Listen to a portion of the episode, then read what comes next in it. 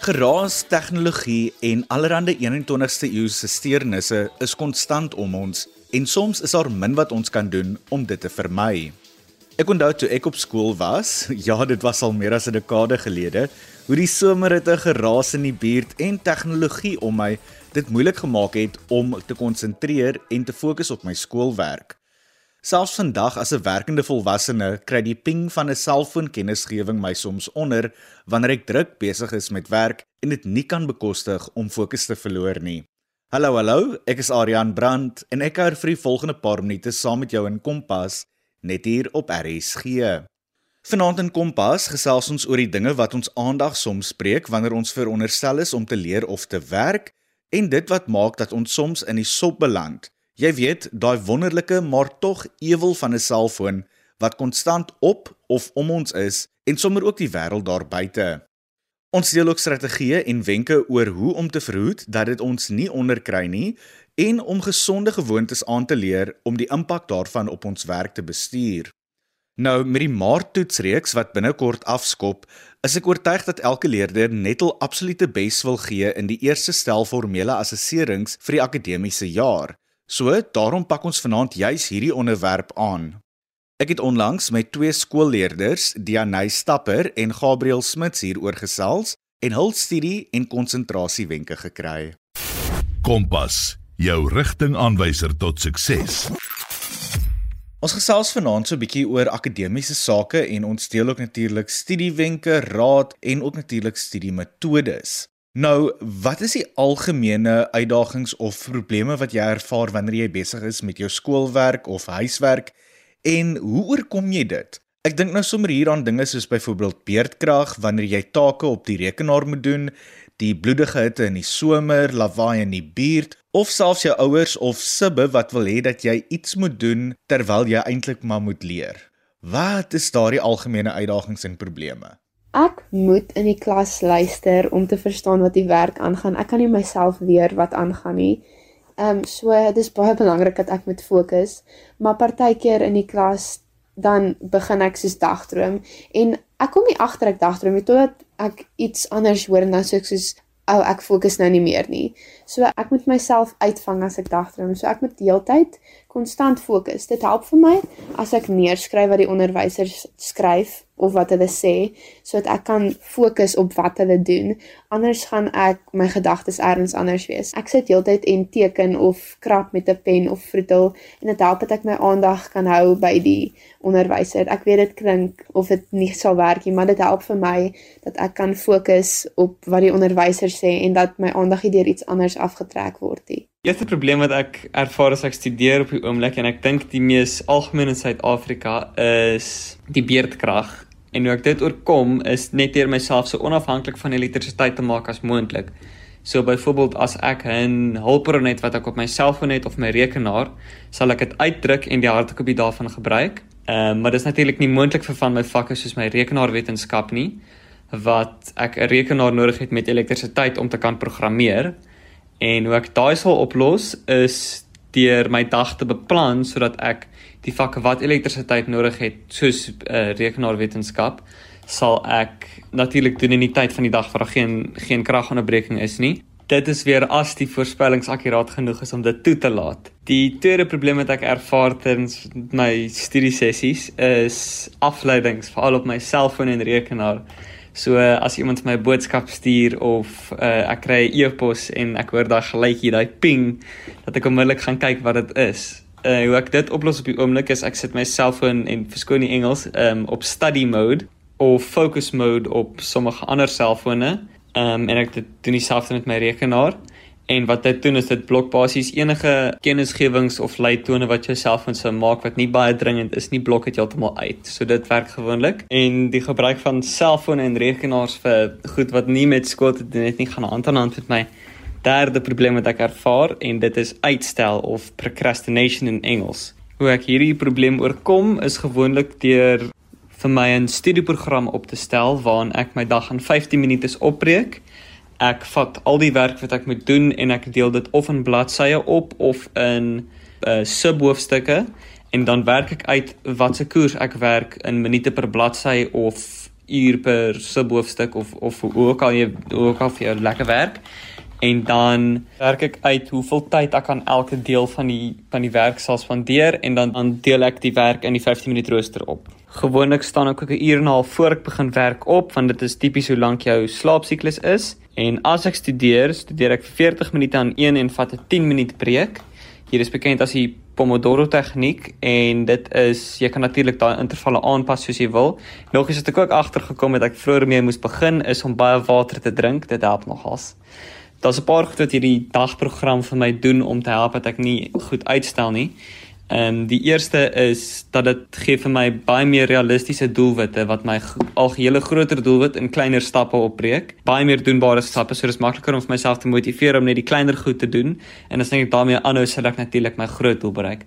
Ehm um, nog iets wat dit baie handig vir is, is dit neem klomp stres vir my weg as ek wonder of ek my werk gaan klaarmaak of nie, want dit sê onmiddellik vir my hoeveel min of meer hoeveel werk ek in die dag gaan kan klaarmaak. En as ek sien ek gaan nie my werk kan klaarmaak nie, dan stel dit my gerus want ek weet ek het die meeste gedoen wat ek kon. So, ja, dis my probleme. Wanneer jy jou huiswerk doen of besig is om te leer of selfs net in die klaskamer is, Gebeur dit soms dat jou aandag afgelei word en wat sou jy sê is dit wat veroorsaak dat jy nie meer ten volle fokus op dit waarmee jy besig is nie? Ek probeer meeste van my huiswerk deur die dag klaar te kry want ek het nie regtig tyd in die middag om dit te doen nie. Maar as ek by die huis moet my huiswerk doen in die middag, is 'n baie groot ding wat my aandag aftrek, soos dit sal my selfoon wees. En ek sukkel daarvan om myself te vang dat ek besig is om nie my huiswerk te doen nie, want dit is so maklik om net soos my foon aan te sit. Ek wil net gou my musiek verander en dan sê ek op Instagram en dan vergeet ek heeltemal wat ek doen.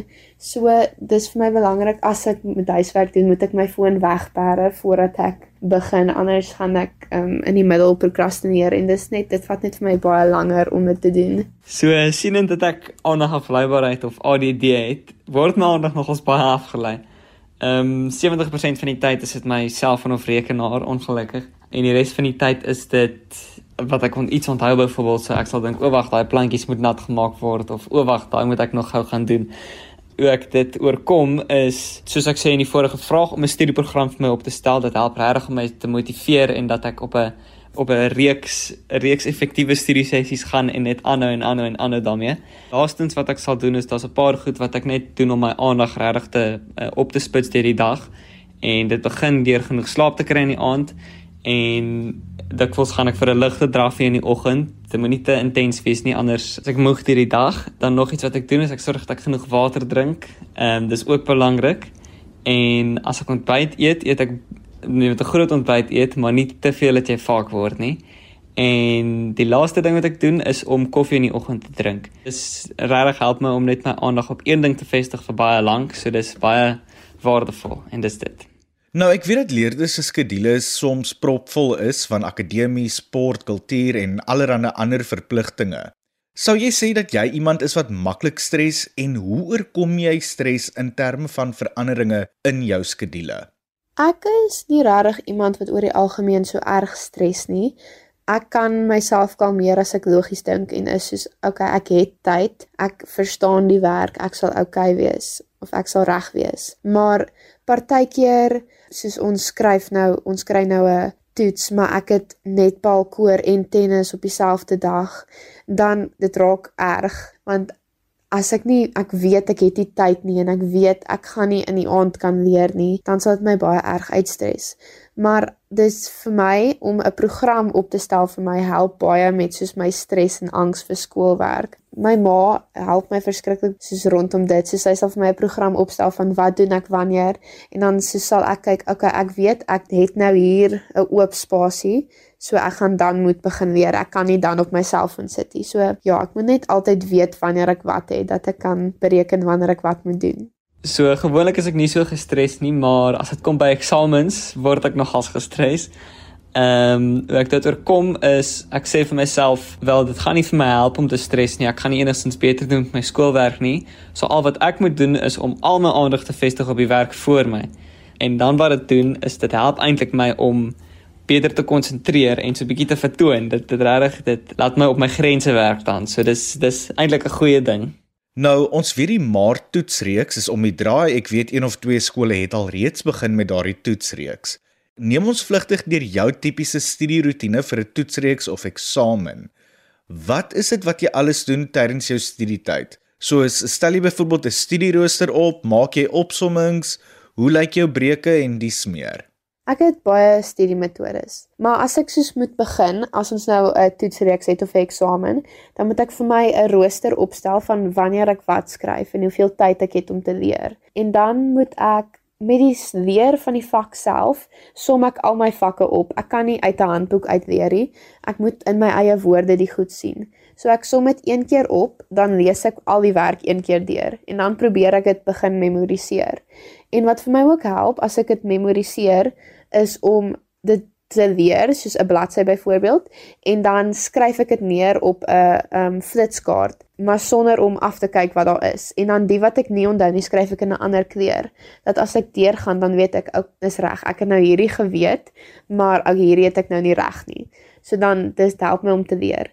En ek kan ook nie stil sit terwyl ek leer nie. As ek opsom moet ek heeltyd musiek luister. As ek leer moet ek in stilte leer. En as ek soos as ek die woorde soos ek memoriseer byvoorbeeld goeters vir geskiedenis of so iets, dan sal ek buite gaan staan en net bal teen die muur gooi en die feite soos vir myself herhaal of ek geniet dit baie in die somer om in die swembad te sit en leer. Want ek kan nie net sit en na 'n muur staar nie want dan loop my gedagtes rond. Ek moet iets anders ook doen. So dit help vir my om rond te stap, soos ek sal trampolien spring of ek sal buite loop sit op die gras of met my honde speel terwyl ek die vak leer. Vir ander vakke soos byvoorbeeld wiskunde is dit vir my baie belangrik om oefen somme te doen en oefentoetse. Vir Engels, Afrikaans en wiskunde doen ek baie oefentoetse. As ek soos aanlyn kan oefentoetse kry, help dit my verskriklik baie want dan weet ek kan ek toets wat ek weet en wat ek nie weet nie. As ek weet ek gaan die dag meestal aan studeer spandeer, sal ek soos ek gesê het 'n uur en 'n half voor ek begin studeer opstaan en onmiddellik my ry oopmaak of buite toe gaan. Ehm um, wat dit doen is dit laat mens brein wat van tevore melatonien wat 'n slaaphormoon is afskei ophou om daai slaaphormoon af te skei en serotonien af te skei wat mens laat lekker wakker maak. Dan sal ek natuurlik my oggendroetine goed doen, my bed opmaak, stoor al daai goed. Ehm um, Dan sal ek kyk of daar nie enige aanpassings is wat ek aan my program kan maak nie. Ehm um, en as ek sien daar is nie, sal ek begin studeer. en soos ek gesê het, die 40 minute werk, 10 minute breek, baie water drink en dan in die middag vat ek gewoonlik 'n uur breek waarin ek middagete eet en dit net stadig vat, bietjie my aandag van die skoolwerk afhaal. Ek is een van daai mense wat van hou om deur die handboek te lees en opsommings te maak om te leer om die werk op te neem. Andersins as ek al klaar opsommings gemaak het, sal ek hierdie opsommings lees. Elke nou en dan sal ek 'n belangrike punt neerskryf. Ek weet nie hoekom nie, maar dit dit doen iets aan my as ek as ek iets neerskryf. Ek onthou dit net beter, ek absorbeer dit beter. By ruskanse probeer ek nie my aandag vestig op my skoolwerk nie, maar ek wil ook nie iets doen wat te veel my aandag sal absorbeer nie. So ek sal iets rustig doen deur 'n tydskrif blaai, iets soos daai. Wat ek ook doen is ek sal vir 40 minute werk en 10 minute rus 3 keer en dan die 4de sessie sal ek 40 minute werk en 30 minute rus. Ten slotte julle twee, watter studiewenke of raad kan julle met ander skoolleerders deel? Ek dink om jou manier van studie te vind is die belangrikste studiewenk wat jy kan kry.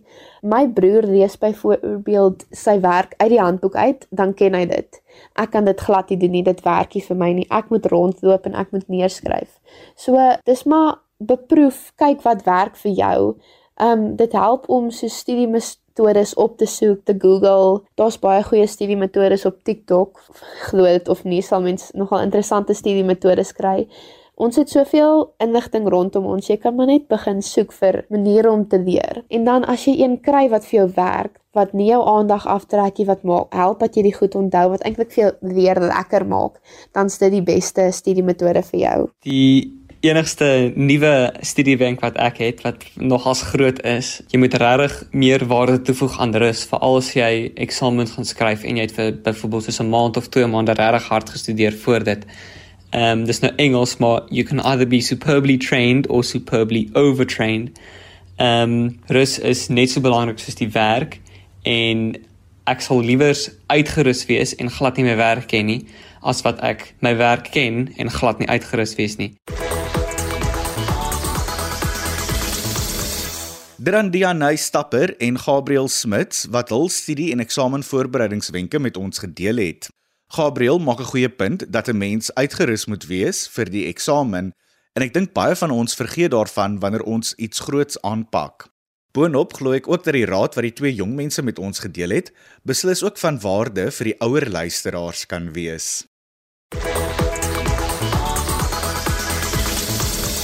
Ek is weer terug agter die kompas mikrofoon en ek kuier saam met jou in jou kombuis, voorhuis of sommer in die passasierssitplek van jou motor indien jy op die pad is. Ek is Adrian Brandt en jy is ingeskakel op RSG 100 tot 104 FM.